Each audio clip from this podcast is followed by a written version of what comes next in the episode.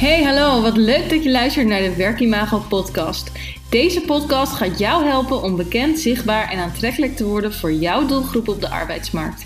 Ik geef je hierover allerlei tips en adviezen, alleen of met een gast tijdens een interview. Daarnaast neem ik je mee in de leuke en minder leuke momenten van het ondernemen en mijn leven. Wil je tussen de podcast door meer zien, horen of contact met mij opnemen? Volg mij dan op Instagram, werkimago. Veel luisterplezier!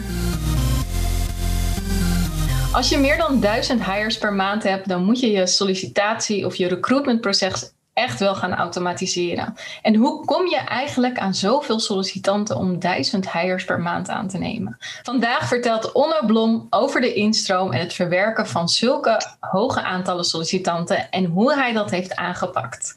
Allereerst welkom Onno. Hallo, leuk om hier te zijn Kim. Uh, ja, wat een eer. Yes, en ja, leuk denk ik om mee te starten voor de mensen die jou niet kennen. Wie is Onno Blom? Ja, ik um, doe nu ongeveer twee jaar uh, iets met recruitment.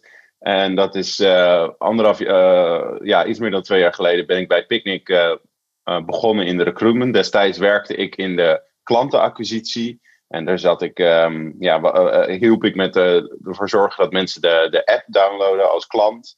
Maar uh, toen stond er van de een op de andere dag een manager bij mijn bureau met de vraag van uh, we hebben grote tekorten in onze supply chain en uh, kun jij daar niet mee helpen? Aangezien wij, jij nu een skillset hebt op het gebied van performance marketing kunnen we dat niet inzetten voor recruitment? En zodoende is die bal eigenlijk gaan rollen. Dat heb ik anderhalf jaar bij Picnic gedaan waar ik verantwoordelijk was voor de inflow van de supply chain en nu, uh, nu voor mijn eigen bedrijf uh, Head Start Recruitment. Yes. En inflow van de supply chain, daarmee bedoel je dus de instroom van uh, sollicitanten uh, binnen, de, binnen de logistiek, zeg maar. Dus de... Juist. Ja, dus in het geval van Picnic ging dat om de magazijnen.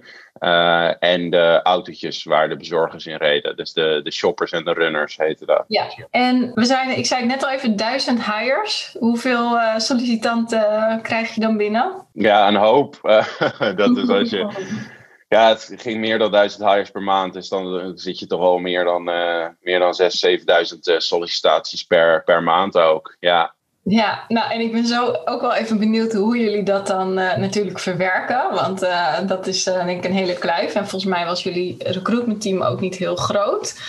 Um, maar, maar hoe kom je aan zoveel sollicitanten überhaupt? Ja, dat is een goede vraag. Ja, nou ja, dat is dus echt waar mijn achtergrond in zit in, op, het gebied van performance marketing. Um, ik ben daar eigenlijk vrij ja, vrij blanco ingegaan. Ik had eigenlijk ook geen idee hoe moeilijk, hoe moeilijk of makkelijk het was uh, om aan kandidaten te komen. Ik uh, werd gewoon naar mij gevraagd: van, kunnen we dat eens proberen? En dat, dat ben ik gewoon gaan doen. Maar omdat ik echt heel erg vanuit die online marketing achtergrond kwam bij de, bij de klantenacquisitie, ben ik dat in eerste instantie op gaan zetten door middel van, van Facebook advertenties en Google advertenties.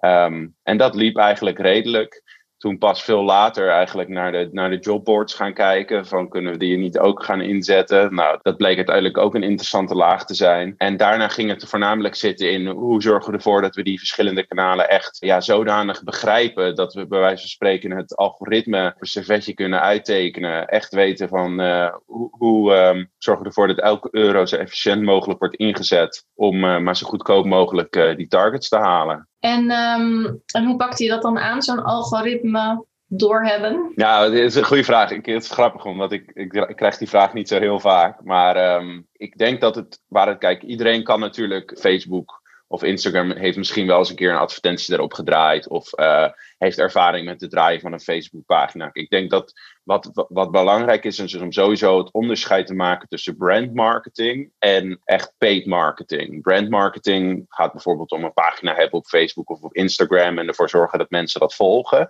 En paid marketing gaat eigenlijk om oké, we willen een advertentie laten zien aan iemand en daar willen we echt een bepaalde actie mee um, ja, gedaan krijgen van diegene die die advertentie ziet. Um, dus in dit geval, we willen een advertentie laten zien met een vacature. En die vacature die moet op het juiste moment voor de juiste kandidaat verschijnen.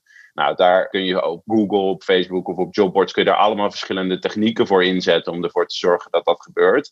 En uh, wat daar voornamelijk belangrijk bij is, is dat je dat op een datagedreven manier doet. Dus dat je verschillende strategieën echt tegen elkaar test door middel van AB-testen. Dus, dus de ene groep laat je 50% laat je X zien en uh, 50% laat je Z zien. Uh, en dan gaat kijken van, door middel van hypotheses en het valideren, echt door middel van experimenteren van wat voor strategieën werken nou goed voor uiteindelijk ja, de doelstellingen die ik heb. En als je dat gewoon ja, jarenlang uh, dag in dag uit blijft doen, dan op een gegeven moment heb je echt wel een goed begrip van hoe die platformen nou reageren op verschillende inputvariabelen, om, om het maar heel technisch te noemen. Uh, ja, dan kan je veel effectiever adverteren dan als je, als je maar gewoon uh, wat budget geeft aan een van die platformen en, en dan maar kijkt wat eruit komt. Ja, en, en is het zo praktisch dat je zegt, bij groep A lieten we een andere foto zien dan B? Of zit het dan echt in de finesses van, we doen bij uh, uh, groep A een rode knop en bij groep B een groene knop? Of, ehm? Ja, nou ja, dat, dat is eigenlijk allemaal. Kijk, als je, als je het hele proces neemt, dan heb je, laten we zeggen, tot de sollicitatie. Dan heb je dus eerst de advertentie op een van de verschillende platformen. dan heb je de website.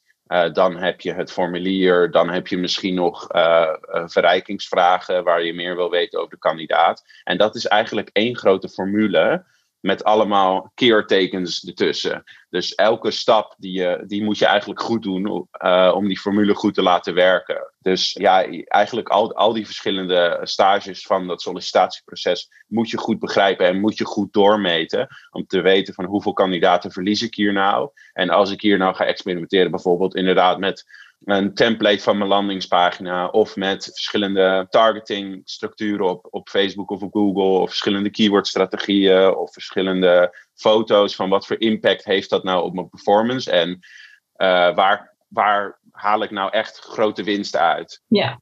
En daar ben ik eigenlijk, uh, daar heb ik wat ervaring mee opgedaan uh, bij Picnic. En daar ben ik nu met mijn bedrijf echt, uh, echt verder in gedoken om te kijken van hoe zorgen we er nou voor dat we de data-infrastructuur zo hebben staan. Dat we niet alleen sollicitaties binnenhalen, maar echt sollicitaties die ook daadwerkelijk tot een hire leiden. Ja, maar het, het, is bijna een hele dagtaak, denk ik, als ik het zo hoor.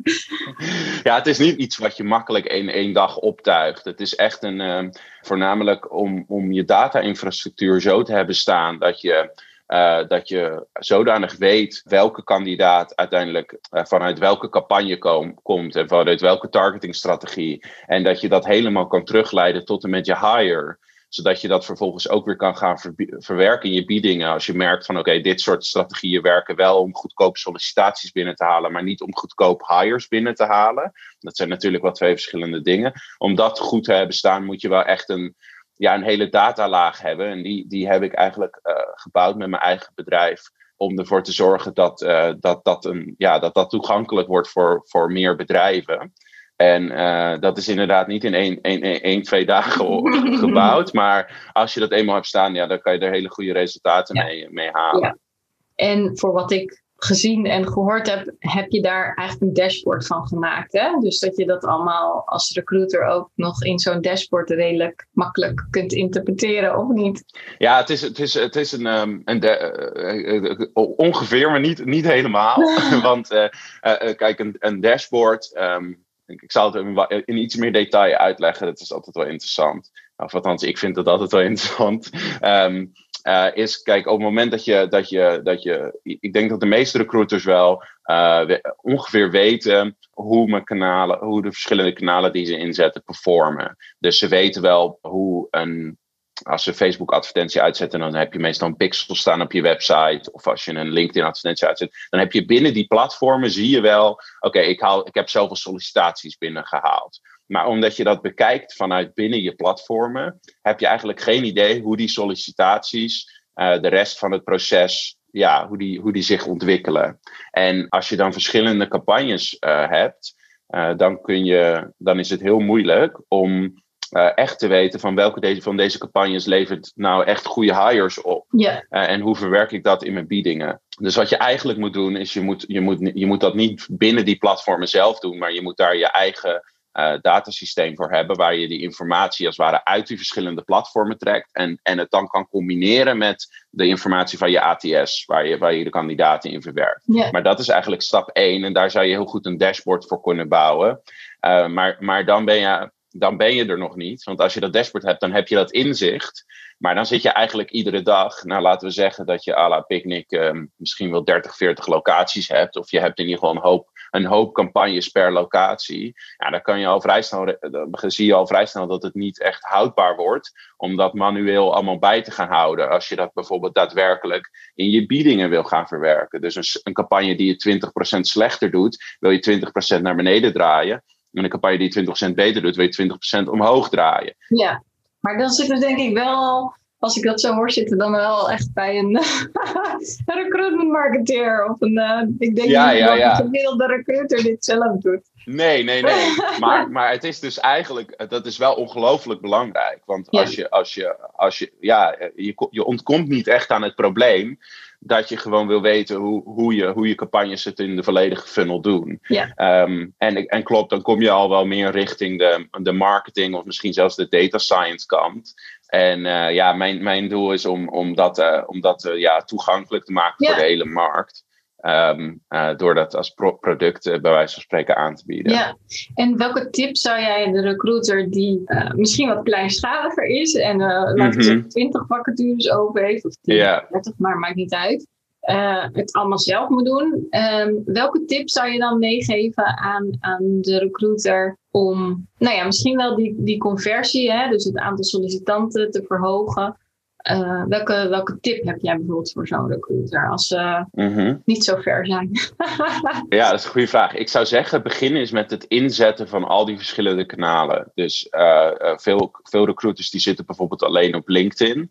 En ik weet uit ervaring dat LinkedIn is een ontzettend duur kanaal om in te zetten. Omdat de zogenaamde CPM-prijzen, dus de kost per duizend impressies, die ligt gewoon heel erg hoog. Ja, als je dat betaald doet, hè? Als je dat betaald doet, juist. Uh, als je daar advertenties uitzet. En uh, dat is natuurlijk met goede reden, want het kan een heel effectief kanaal zijn. Maar de vraag is: uh, lukt het mij ook om die doelgroep, die ik vrij makkelijk kan vinden op LinkedIn, lukt het mij ook om die doelgroep eigenlijk voor een goedkoper bedrag te bereiken op Facebook of Instagram? En dan maakt het eigenlijk niet zoveel meer uit of ik ze nou op LinkedIn of op Facebook verander, bereik. Ja, de context is misschien iets anders, maar ik kan je vertellen dat zolang je maar die doelgroep weet aan te boren, ja, dan dan zijn de resultaten ongeveer hetzelfde. Terwijl je betaalt misschien wel tien keer minder ja. uh, om, om, om je advertentie te laten zien aan die mensen.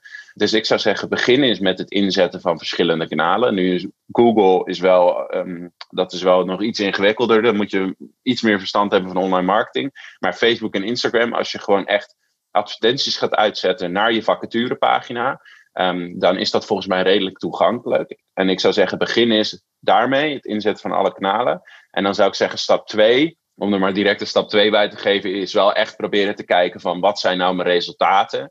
En daar ja, proberen te, te handelen. In plaats van dat het een soort zwart gat is waar we alleen maar van zeggen van oké, okay, er gaat 1000 euro naar dit, er gaat 1000 euro naar dat. Ja. En we kijken eigenlijk nooit naar, uh, naar de resultaten. Ja, en naar handelen is uh, misschien ook wel, zet er eens een tweede campagne naast met een andere foto. Om te kijken, wat dan, doet dat ten opzichte van campagne, de eerste campagne? Bijvoorbeeld, ja, dat vind ik een heel goed idee. Of uh, ja, dat kan een enorm verschil maken. Ik bedoel, het verschil tussen sommige foto's doen het gewoon makkelijk tien keer beter dan andere foto's. Daar verbaas ik me ook telkens weer over. En ja, dat is, kan een goed begin zijn. Maar um, ja, ik denk dat het belangrijkste is dat je gewoon echt begint met verschillende kanalen inzetten en naar de resultaten kijken. Wat Ja. levert het mij gewoon op? En als je dan merkt, hey, LinkedIn is tien keer duurder, ja, dan zeg ik, nou, schaal Facebook en Instagram wat op en schaal LinkedIn wat af. Ja, snap het. Ja, en dan heb je dus al die sollicitanten die op je website komen. Nou ja, daar is natuurlijk nog, als je het over website hebt, het converteren van sollicitaties. Dus zorgen dat ze ook echt solliciteren en niet afhaken, is denk ik nog een hele studie over gedaan. Maar laten wij even vanuit. Ja, nou, ja, al die mensen solliciteren, of het merendeel. ja. Uh, dat zijn dus duizenden, dat wa- was bij Picnic dan in ieder geval duizenden sollicitaties per maand. ja. Hoe stroomlijn je dat? Want dat zal je vast niet als uh, de recruiter uh, allemaal handmatig hebben zitten scannen. Vermoed Nee, ik. nee. Nee, ik was bij Picnic was ik niet zelf verantwoordelijk voor, uh, voor het aansturen van de recruiters. Maar ik heb wel heel erg veel nagedacht over hoe moeten we dat proces nou inrichten. Ja. En ik denk dat het belangrijkste is, kijk, er zijn er ook, ook daar heb ik het weer heel erg bekeken vanuit een soort conversiegedreven oogpunt van hoe zorgen we dat we zo min mogelijk kandidaten verliezen uh, van dat proces van sollicitatie tot en met hire. Maar uh, ik denk dat er ook ontzettend veel te winnen valt voor de recruiters zelf. Als je bijvoorbeeld gaat kijken naar automatiseringen, dan, zou ik, dan, dan denk ik bijvoorbeeld dat het automatisch afwijzen van kandidaten die niet voldoen aan je harde eisen, is bijvoorbeeld al een hele makkelijke. Uh, dat, dat is toch wel waar een fors gedeelte van je kandidaat op afvalt. En dat scheelt je recruiters gewoon ongelooflijk veel tijd. Een ander voorbeeldje is het automatisch opvolgen per e-mail of per sms als kandidaten hun sollicitatie nog niet hebben afgemaakt. Of als, als je nog informatie van ze wil. Dat zijn allemaal dingen die de recruiter niet zelf hoeft te doen. Nee. Nou, als je dat dan ook nog combineert met bijvoorbeeld het inplannen van kandidaten. Dat je dat gewoon lekker doet via scheduling software. Uh, gewoon, uh, we, we, hebben je sollicitatie bekeken en plan jezelf vooral in voor een sollicitatiegesprek. Dan scheelt dat gewoon misschien wel twee derde van je tijd voor je recruiters. En uh, het is natuurlijk een beetje afhankelijk van in welke markt je opereert. Kijk, high volume recruitment is daar natuurlijk heel erg geschikt voor. Als jij developers aan het zoeken bent, dan wil je misschien een iets gepersonaliseerdere aanpak. En dan uh, wil je kandidaten misschien echt meer aan de hand houden. Maar ik denk wel dat het belangrijk is om je te realiseren in welke markt je je begeeft. En als je echt uh, groot volume aan kandidaten wil verwerken, dan moet je toch echt wel gaan kijken naar hoe maken we dit geautomatiseerder. Ja, en als je dan kijkt naar bijvoorbeeld, om te beginnen, een uh, geautomatiseerde afwijzing. Mhm. Vaak komt een sollicitatie binnen in een ATS. Ja, ook heel vaak niet, maar even daarvan uitgaan. Dat is het makkelijkste. Hoe gaat dat ATS, of welke tool doet dat, herkennen dat, dezegene, dat deze niet geschikt is. Uh, is dat een slim systeem die de cv's leest? Of hebben jullie dat door middel van vragen gedaan? Of hoe, moet dat zien? Nee, dat is een goede vraag. Ja, ik zou allereerst zeggen, uh, ze vragen in godsnaam niet om een cv. Want een cv is niets anders dan een collectie informatie in pdf-vorm. En het nadeel is dat er bijna niemand op zijn mobieltje een PDF heeft staan. Dus eigenlijk snij je daarmee al je mobiele verkeer weg, wat in feite gewoon 80% van je verkeer zou moeten zijn. Uh, of in de praktijk is. Dus bij het cv vraag ik, vraag ik aan klanten altijd: wat, wat willen we nou uit het cv halen? En kunnen we dat ook op een andere manier vragen door middel van vragen in het formulier?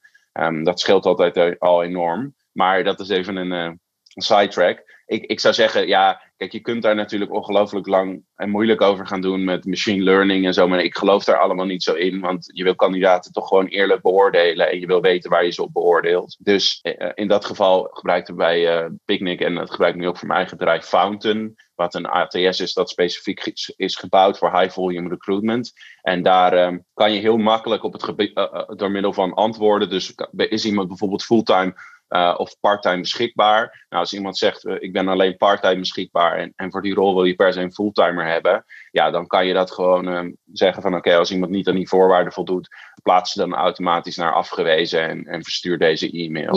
Dus, dus dat soort dingen. En ik denk dat het ook wel. Het is een goede vraag, omdat, omdat ik denk dat software echt ongelooflijk belangrijk is voor recruitment in het algemeen. Welke software je gebruikt, bepaalt gewoon in grote mate uh, wat, wat wel en niet voor, voor de recruiter mogelijk is. En ik zie ook heel veel bedrijven nog met software werken van nou, 10, 20 jaar oud. Ik, ik weet het niet eens, maar het is echt, uh, echt waardeloos. En dan denk ik van, doe jezelf nou een plezier en kijk even rond. Weet je, besteed een week om gewoon te kijken van wat zijn alle opties in de markt. En dan kom je er vaak achter dat je voor de, misschien wel de helft van het geld uh, tien keer betere software kan krijgen. In plaats van dat je bij een van de grote partijen die dan misschien heel veel naamsbekendheid hebben. Maar, nou, eh, ik wilde net zeggen, want, want ik zie ook regelmatig op Facebook groepen voorbij komen. Wie weet een goede ATS? En de eerste vraag die mensen stellen, ja, wat heb je nodig? Ja. Maar je komt altijd uit bij de grote ATS'en. En ik had bijvoorbeeld zelf nog nooit van Fountain gehoord. Nee. Dus het is ook soms nog de vraag, hoe kom je daar? En hoe weet je nou, oh, dit gaat het systeem om zijn? Maar ik denk dat dat een andere podcast is. Maar uh, nog even praktisch, hè? dus als je naar, naar dat systeem gaat, aan de, ik ben wel even benieuwd, hoe ziet dat er dan uit voor de, voor de sollicitant? Dus een sollicitant die denkt, hé, hey, nou, ik wil solliciteren op een vacature X, mhm. die krijgt dan een formulier en daar vult hij al die vragen in, of gaat dat in een soort quizvormpje? Of hoe? Ja, dat is een goede vraag. Ik werk nu bijvoorbeeld ook voor een klant, uh, die heet Eton. Dat is een uitzendbureau in de zorg. En daarvoor werven wij zorgstudenten. Dus eigenlijk mensen die bezig zijn met de zorggerelateerde opleiding en nu in de ouderenzorg uh, willen ondersteunen. En wat, wat zij bijvoorbeeld in een proces hebben, wat, wat, ik, wat ik heel goed vind, is dat je in eerste instantie solliciteer je gewoon, maar dan word je in een automation module wordt je dan gestuurd. En in die automation module worden bijvoorbeeld allemaal vragen gesteld over ja, wat voor opleiding volg je? Wanneer ben je beschikbaar? Eigenlijk, eigenlijk alle vragen die niet contactinformatie zijn, om zo maar te zeggen. Ja. En het voordeel van eerst om die contactinformatie vragen en dan pas die soort van uh, automation module, hè, die verschillende vragen die aan de kandidaat worden gesteld, waar ze wel of niet door worden doorgelaten, is dat als zij nou die automation module niet helemaal afmaken, dan kan je altijd nog per e-mail of per sms opvolgen met de vraag van, eh, wil je nog even die, uh, die vragen invullen? En waar je normaal gesproken ongelooflijk veel kandidaten verliest op ja, motivatievragen, ervaringsvragen, kwalificatievragen. Uh, als je ze vervolgens kan opvolgen per e-mail of per sms, dan, dan kan je die mensen weer terugwinnen. En dat, dat scheelt enorm. Uh, in, je, in je bottom line van hoeveel mensen het einde van je proces halen. Zij vullen eerst hun naam, telefoonnummer en e-mailadres in. Dan klikt ze op volgende. Dus dan herkent dat systeem het al. En dan krijgen ze andere vragen. Als ze daar dus erg afhaken, dan kan je naar een opvolging. Dan komen ze in dit geval op een, een, een, een, een module van, van JobRock. Dat is een ander ATS waarmee ik uh, samenwerk. En die, die hebben dat ook wel uh, redelijk geautomatiseerd. Dat je, ja. dat je echt makkelijk als recruiter kan zeggen van oké, okay, dit zijn de voorwaarden. En dan ga je inderdaad door een soort interactieve quiz. Ja. Bij Fountain is het ook ongeveer hetzelfde. Je solliciteert op de website. En dan kom je voor de verrijkingsvragen kom je dan in een omgeving van Fountain zelf. Waar ja. je echt specifiek voor die ene kandidaat meer gegevens achter kan laten. Ja. En dat werkt gewoon ontzettend goed om, om kandidaten binnenboord te, te houden, omdat je, omdat je niet, niet in één keer presenteert met een enorme lijst aan, aan vragen. Ja.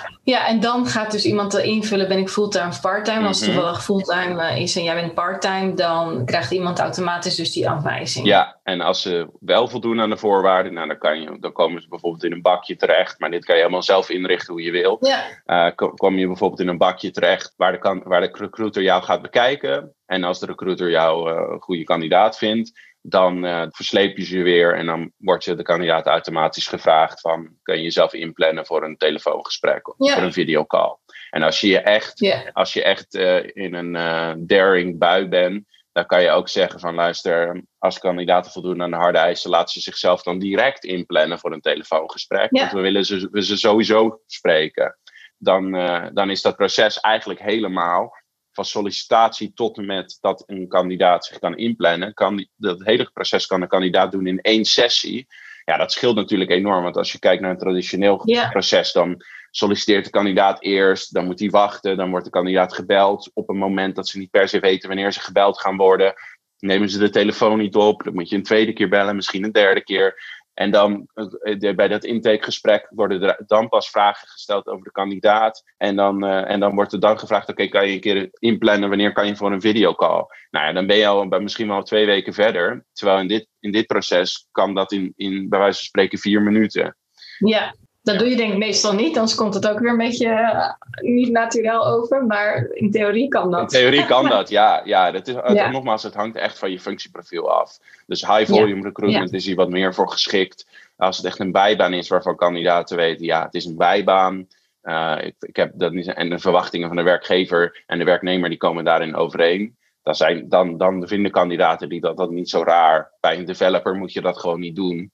Uh, zo simpel nee, is het. Nee. Dus je moet je goed weten in welke, in welke markt je je begeeft. Maar ik denk over het algemeen wel dat een, zelfs de high-skilled recruitment echt wel wat kan leren van, jongens, hoe hebben we dat proces nou ingericht? En is dit nou optimaal voor de kandidaat? Of moeten we hier um, wat hurdles weg gaan nemen om het, om het makkelijker te maken? Ja, nee, zeker. En ik zit ook meteen te denken, ik vond als recruiter het echt nooit leuk om al die e-mailbevestigingen. Je werkt toch met templates en dan moet je het nog wel even personaliseren. En hoeveel tijd me dat wel niet kost. Terwijl je eigenlijk gewoon met diegene in gesprek wil zijn in plaats van een administratie. Dus ik denk ook uh, al, oh leuk, dan, dan doe je gewoon je werk wat je leuk vindt. En minder leuke dingen zijn geautomatiseerd. Ja, ja, dus je kan echt, ik denk dat je echt wel twee derde van je tijd kan besteden, uh, besparen als recruiter. Of gewoon twee derde minder recruiters, een beetje afhankelijk van hoe je ernaar kijkt. Uh, en dan kan je ook nog eens focussen op de dingen die er meer toe doen, namelijk klant, kandidaatcontact. dat is natuurlijk ook weer beter voor de kandidaat. Dus ja, ik denk dat er, uh, dat er uh, eigenlijk alleen maar winnaars zijn als je dit op een goede manier inricht. Ja, zeker. Nou, ik ben het ermee eens. Ik weet dat er ook veel mensen natuurlijk, het is ook wel eens de vraag van, nou, uh, moet het allemaal? Maar je ziet wel, want je kan natuurlijk wel al die mails kan je ook redelijk automatiseren en persoonlijk maken. Hè? Want iemand heeft zijn voornaam ingevuld, dus je kan er alsnog wel je Kim van maken. Of je hebt gesolliciteerd op de vacature X. Mm -hmm. Of misschien afhankelijk van het antwoord wat ze hebben gegeven, kan je waarschijnlijk alsnog zeggen, ah ja, je bent helaas parttime beschikbaar en we zoeken een fulltimer of iets in die richting. Ja. Dus dan maak je het waarschijnlijk nog dat stukje persoonlijk. Ja, en, en ik denk dat, dat het ook heel snel voelt alsof je de elke e-mail volledig nieuw from scratch bedenkt en weer helemaal gepersonaliseerd. Maar als je er inderdaad in de praktijk naar gaat kijken, dan, dan zal het inderdaad niet heel veel meer verschillen dan de, de afleidsreden. En, de, dus dat er is en wat je zelf stuurt. En wat je zelf stuurt. Dus het zou, dat, dat kan je prima automatiseren en um, uh, dat met één klik doen in plaats van telkens dat hele mailtje opstellen. Ja, dat, dat, dat voelt ja. intuïtief alsof het niet zo'n groot verschil zou maken, maar dat maakt in de praktijk een enorm, enorm verschil in, uh, in hoe, uh, ja. hoeveel kandidaten je kan verwerken. En welke tip heb jij voor recruiters die dus denken, nou misschien na deze aflevering van ik wil ook meer geautomatiseerd gaan doen, want als ik nu zo jouw verhaal hoor, dan denk ik, oh, dat klinkt wel heel gaaf dat je het toch gepersonaliseerd kan doen, maar niet meer al die cv's hoeft door te struinen. Mhm. Ehm, welke tip heb je voor, de, voor dit soort recruiters? Waar, waar kan je beginnen met zo'n automatisering? Ja, ik zou zeggen het belangrijkste is dat je echt met software werkt of met een ATS-systeem werkt wat hierop aangesloten is. Want anders ga je dingen proberen die, uh, die eigenlijk misschien helemaal niet mogelijk zijn. En dan, uh, ik zou zeggen van kijk allereerst altijd even rond uh, in de markt van, uh, van ja, uh, ondersteunt mijn ATS-systeem dit goed of zijn er misschien betere opties? En ik weet dat het altijd een gevecht is binnen iedere organisatie om van ATS-systeem te wisselen. Mm Het kost gewoon heel veel tijd en, en moeite, maar dat betaalt zich echt wel, dat betaalt zich echt wel terug. En um, als je dan een ATS-systeem hebt wat het, wat het goed ondersteunt, Denk bijvoorbeeld aan uh, dat er automatisch als een kandidaat in een bepaalde bucket of in een bepaalde stage terechtkomt, dat er dan automatisch een mailtje naar ze wordt verstuurd. Of dat je in ieder geval met één klik uh, een mailtje naar ze kan versturen. Dan, als het goed wordt ondersteund in de software, dan zou het, als het goed is, voor, voor zichzelf moeten spreken. Ja. Maar uh, ik denk dat als je het. Als je het als je de intentie hebt, dan moet je gewoon de juiste software vinden. Wat ik, wat ik overigens altijd doe, is ik teken altijd eerst het proces uit zoals ik het in mijn hoofd voor me zie. En dan pas ga ik op zoek naar welke tooling zou dit kunnen ondersteunen. En dat, dat geeft me dan ook het vertrouwen om, om gewoon negen keer nee te kunnen zeggen. Totdat ik iets tegenkom waarvan ik denk, ja, dit ondersteunt het wel op de manier zoals, ik, zoals, zoals we het liefst zouden willen. Misschien is dat ook geen gek idee om een keer te doen. Van stel, we zouden even, we laten even het legacy-proces voor wat het is. En, en um, we, beginnen, we zouden from scratch beginnen. Hoe zouden we dat proces nou optimaal in kunnen richten? En dat eens een keer op papier uitzetten. En dan gaan kijken van oké, kan, kan ik dit doen met mijn software? Of kan ik moet ik dan naar, andere, naar een ander ATS-systeem kijken. Ja, mooie, mooie tip.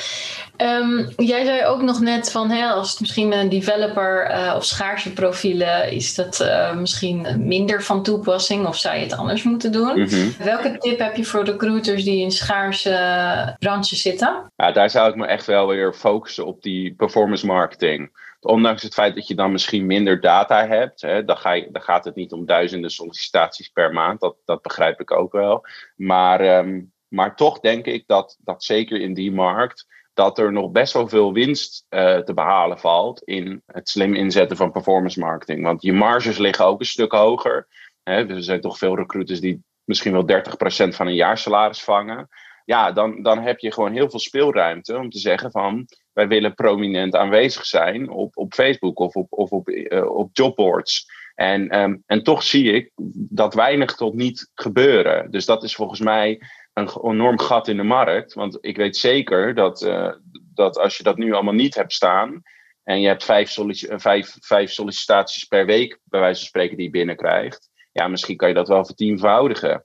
En als je zulke grote marges hebt, dan, dan, ja, dan heb je ook gewoon ongelooflijk veel speelruimte om daar uh, aanwezig te zijn. Terwijl bij mij gaat het altijd om ontzettend scherp aan de wind zeilen, zodat we elke euro precies goed uitgeven. Uh, anders gaat het niet uh, rondkomen. Maar dat, dat is bij het zoeken van iemand waar je. Um, ja, dat is bij, bij, bij, bij high-skilled recruitment toch een stuk, stuk beter. Dus daar zou ik ook zeggen, ja, kijk of je het, het sourcing stuk misschien wat, wat, uh, wat meer uit handen kan geven. En jezelf wat meer op het selectiestuk kan toeleggen. Want daar heb, heb, je als mens toch misschien de meeste toegevoegde waarde. Ja, en, en je zei net ook inderdaad die campagnes. En daar komt natuurlijk ook weer een stukje doelgroep, uh, employer branding, mhm. recruitment marketing bij kijken. Dus inderdaad, ga eens anders kijken hoe je die instroom kan verhogen. Want ik, ik, wat ik zelf veel in praktijk zie is dat recruiters soms eindeloos aan het searchen zijn van maar naar die goede kandidaten die je had. Maar als je het natuurlijk door middel van campagnes doet, uh, wat je zegt op Facebook, dan komen die mensen misschien al naar je toe. Juist. Als je daar, uh, als je jezelf bekender maakt en, en zichtbaarder maakt als, uh, als organisatie. Ja, ja dat, en dat, dat ook nog eens. Ik, ik weet nog bijvoorbeeld een verhaal toen ik nog bij Picnic werkte. Um, toen eens in de zoveel tijd liep ik dan zelf door het proces heen, omdat ik gewoon benieuwd was van hoe voelt het nou als kandidaat. En dan was ik op een selectiedag en dan sprak ik met wat andere kandidaten van hey, hoe, hoe zijn jullie hier terecht gekomen? En uh, dan zeiden die kandidaten bijvoorbeeld: Ja, ik, ik was niet op zoek naar een baan, maar ik zag wel die advertenties langskomen. En toen ik wel op zoek was naar een baan, ja, toen wist ik, uh, ik moet gaan solliciteren bij Picnic. Dus ondanks het feit dat die campagnes voor zichzelf betaalden, had je er nog een soort gratis mark, brand marketing uit ook nog. Dus, um, ja. En daar komt nog eens bovenop dat als je die campagnes goed inricht, ja, dan dat draait vanzelf. Het, was niet, uh, het is in feite niet heel veel moeilijker om 100 sollicitaties binnen te halen dan om 1000 sollicitaties binnen te halen. Je verandert gewoon ergens een nul in het systeem en dan uh, schaalt het als het goed is mooi mee. Dus, um, een nul achter de euro, hè? Precies, een nul achter de euro. Maar ook een nul achter je, achter je, achter je inflow. Ja. En achter, achter je hele operatie als het goed is. Dus um, ja, ik, uh, ik, ik denk dat het, uh, dat het een enorm goede investering is om te doen. Want dat betekent wel misschien wel dat je waar je nu de helft van je tijd besteedt, van je dag besteedt aan het zoeken van kandidaten, dat je dat, dat, je dat niet meer hoeft te doen. En, uh, en dat, dat, dat scheelt gewoon enorm veel tijd. Dus ik denk dat het een investering is die in het begin wat meer tijd kost, maar daarna zichzelf al snel terugbetaalt. Ja, dus met die campagnes, wat je net al zei, dat kan je eigenlijk zelf ook goed inrichten qua, qua doelgroep. Uh, maar jij doet dat denk ik ook voor jouw klanten? Ja, klopt. Ik help uh, mijn klanten eigenlijk met het hele proces van advertentie tot en met hire. Um, en dat is natuurlijk ook van essentie, omdat wij echt die, die, uh, die datalaag hebben waarmee we proberen niet alleen sollicitaties, maar ook hires binnen te halen. Dus wij meten dat hele proces door en schieten dat eigenlijk weer terug naar de campagnes. En klopt inderdaad, wij, um, wij zetten die campagnes op voor onze klanten. Wij monitoren dat. Wij helpen met het selectieproces uh, strakker trekken. En uiteindelijk geven wij ook gewoon de belofte dat we de targets altijd uh, halen. Dus ik, ik, werk met een cost per hire model. Dus um, als we niets leveren, dan betaal je niet. Maar als, je, als we wel leveren, dan betaal je wel. Het is, vrij risicovrij voor de klant.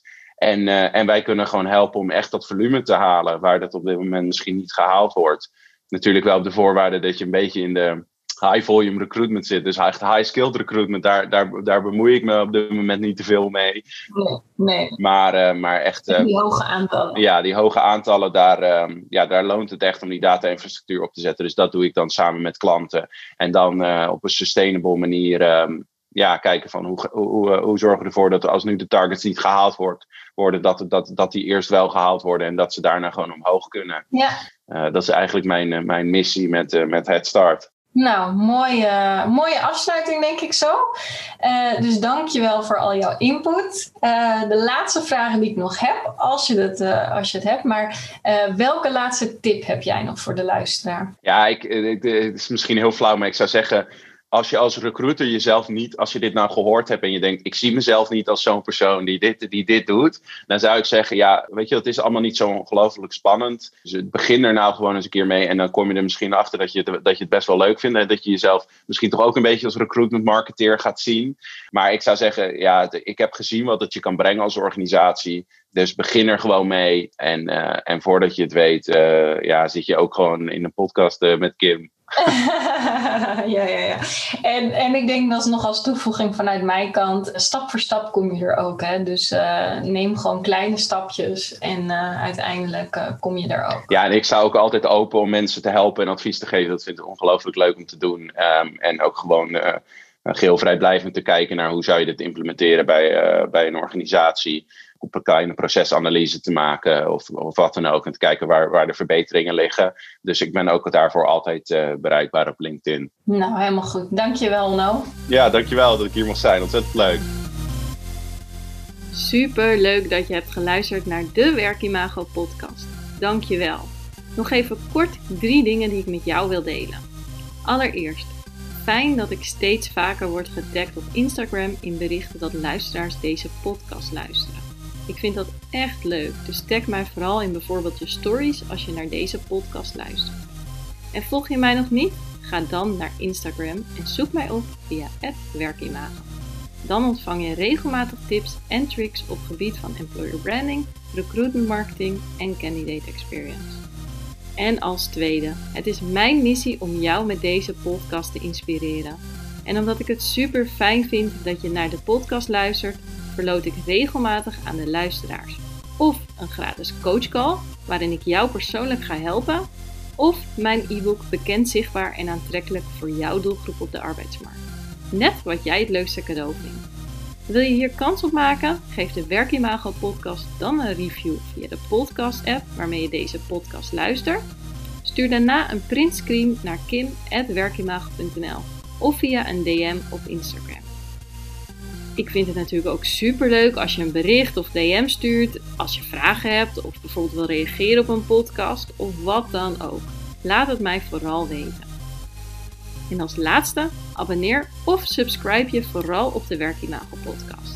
Dan ben jij een van de eerste die de nieuwste aflevering kan beluisteren. Heel graag tot de volgende keer.